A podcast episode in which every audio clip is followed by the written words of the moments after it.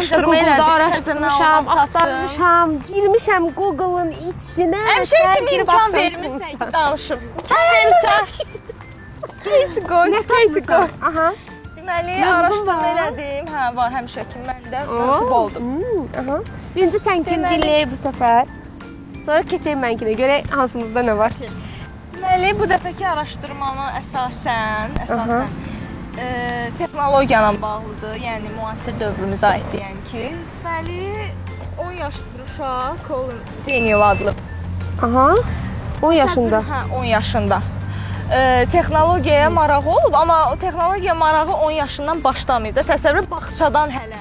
Bağçadan, yəni bağça dövrünü mən xatırlamıram da, yoxdur. Unutmuşam, yoxdur. Mən zəhərlənmişdim, çıxmışam, soya yoxdur, an silinirdi. Hə. Deməli, bağça dövründən texnologiyaya belə marağı olub və sonradan 10 yaşında bu işi qurub Deməli, Yaşında iş qurub. təsəvvür elə. Ay Allah, mən 10 yaşında nə edirdim? 5-ci sinifdə oxuyurdum. Olana nə gözləyirsən? Ay Allah. Nəysə, şimdi bu e, iCode Robots bir şirkəti texnologiya belə deyim də şirkətini qurub. Bu da bunun Bildiyiniz yəni robot. yəni də həri. Burada iş nədən ibarətdir? Bu özü öyrəndiklərini elə bil ki, öyrə başqasına öyrətməkdən. Yəni şirkətin əsas işi sən öyrəndiklərini başqalarına öyrədirsən. Bu Yəni son 10 yaşında qrup və başlayır getməyə. həri. 10 yaşında adam yekə-yekə adamlara Özünləşmədi ki, 10 yaşında arada qaldı. 10 yaşında uşaq başqalarına öyrənir. Özü öyrənir və başqalarına da 10 öyrədir. yaşındakı Bəli. uşaq bağçadan bu yana 10 il ərzində öyrənir. Hardasa bir 5 il ərzində. Hə, o da sual verərik özünə. Hə. Nəysə, çox bir danış. Hə. Şirkətin əsas işi öyrəndiklərini başqalarına öyrətməkdən ibarətdir və bunun burada hətta işçiləri də var. Yəni komanda qrup təsəvvür elə ki. Yəni burada bir komandası da var hətta. E, sonra və bundan da əlavə e, bunun bir belə deyim də məşğuliyyəti olub və bu bu işlə bərabər, yəni qaçışa belə deyim də həvəsi olub. E, 10 yaşında Bəli. idi bunlarla. Elə ki, onunla və işinlə bərabər bu qaçışını da, qaçışla da məşğul olub. Müəllimlərinin sevimlisidir. Favori çocuq, arzulanan, nə bilim nə. Sözçü necə? Yəni cəmaət nə bilim valla. Yəni belə. Yəni pis qidalanlar. Hə, Amma amma diqqətimi o qədər cəlb eləmədi nə yalan. Nəysə dur gedək biz. Ah, parmağım skate Ay biraz geri skate, dur skate. Birazdan skate sürənlər də gələcək. Ay, Dur, gəl.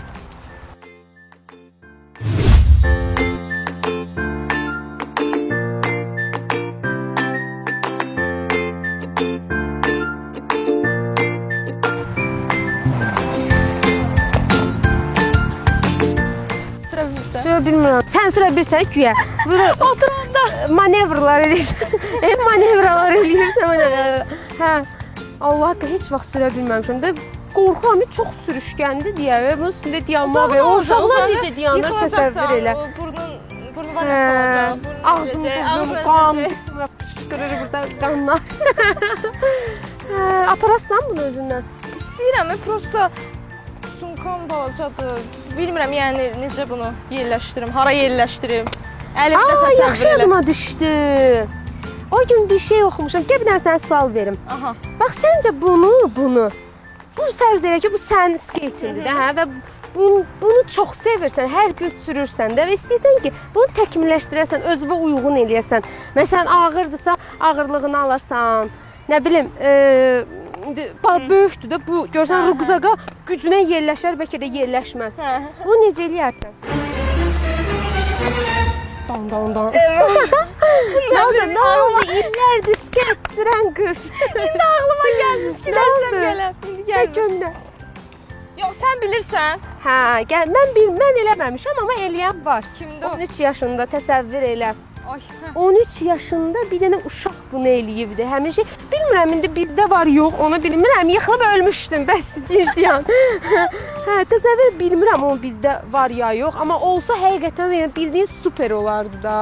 Təsəvvür elə 13 yaşında Carson Crawford adlı uşaq, bir dənə skate olur, onu da belə Hə. çox sevirdi o skeytini. Hər gün məktəbə bildim, yəni Amerikada elə də axı. Skeytlə gedirsən, velosiped. velosipedlə Hə, gedirsən. orada. Kaş bizdə də elə olsa ekologiya gül kimi tərtəmiz. E, təsəvvür velosipedlə gedirsən, nə bilim nə, o da skeytlə sevir də məktəbə getməyi. Prosta ki, Amerikalılarda belə bir şey var, axı şkaflar var, getdin əşyalarını onun içinə yığırsan. Bu da hər şey yerləşir, amma skeyt böyükdür axı. Yəni əvvəlkilər lap böyükdə. Bu onu daşıyır hər gün təsəvvür ağır-ağır. Üstə gəldi şkafına falan yerləşmir də məcbur gələ hardasa qoysun, neynəsin və s. Bizdə olsaydı 100%, 2 saniyə sonra skeyt yoxdur. Yox çıxdı. Kayıplara qarışdı. Hə, bildiyin kayıplara qarışdı. Hə, təsəvvür götürür neynir? Skeyti Aha. oturur fikirləşir neynəsin, neynəsin bu yüngülləşdirmək üçün skeyti kəsir, həm uc, həm də bu hissələrini və onu elə bir hala gətirir cilalayıb. Məsələn mən bunu kəssəm, bildiyin yəni bu skeytlikdən çıxardım. Mən Hə. bilmərəm sonra bu necə yığımda. Təsəvvür kəsir onu elə quraşdırır ki, əvvəlki skeytlərlə də sürətli olur. Üstəgəl kiçik olur, rahat şəkildə rüqzağına qoyur, yəni bildiyin rahat da universitetdə, daha doğrusu məktəbdə sumkasında falan daşıya bilir. Hətta təsəvvür elə bunu o qədər genişləndirir. Ə, sən yadında mənə ə, veriliş demişdin. Demişdin baxmısan o verilişə. Hansı? Keçən dəfə dedin, Shark. Tank. Ay sağ ol. Shark Tank verilişi bu arada getdim baxdım. Aha. Təsəvvür elə bu Shark Tank verilişinə çıxır. Ə, həmin dövrdə Amerikalılarda belə bir şey var da, maliyyə qoyub həmin gəncin inkişafına maliyyə qoyanlar olur da. Elə bir adamlar özləri biznesmenlər, amma maliyyə qoyur ki, Bilirəm, mən başqası da. danışmışam o haqqda. Hə, ay sağ ol. Kaş bizdə də olsa, necə gözəl olardı. Yəni həqiqətən super bir şey. Ə, təsəvvür elə bu da kim olur? Sir Richard Branson adlı bir adam götürür buna 65 min dollar maliyyə ayırır. Təsəvvür elə uşağa. Oha. Hətta ə, yəni uşaq bildiyin bunun biznesini qurur da. Təzə ilk dəfə yeni dizayn, skate dizaynı özü super bir halda da. Əmələ başda biznesini qurur, milyonlar qazanır. Bir gün ə, şey də deyim sənə, bir günlərim. Təsəvvür jurnalist soruşur Sir Richard Bransondan ki, bəs siz niyə ona maliyyə qoymusunuz da uşağa? Qayıdırır ki, o da super, yəni belə deyim də ə, əziyyət çəkən, öz biznesini tək başına genişləndirən adamlardan olub deyə. Deyir ki, mən özümü o uşaqda gördüm. Təsəvvür elə, özümü o uşaqda gördüm deyə öz gəncliyimi, yəni səssiz ona maliyyə ayırıb inkişafına yol açıb da. Gör necə super bir şeydir də, yəni bildiyin. Heç nə əla. Hə. Tam bizdik. Nəysə, Tam bizə lazım. Bunu verəcəm sənə. Həqiqətən çox Mən lazım. bunu necə aparım belə? İndi sən bunu o birlər bizə gələnə qədər məcbursan əlində daşımağa yəni. Aparsan, buradan tullayıram, sürüşə-sürüşə yeyirik. Getdik. Getdik.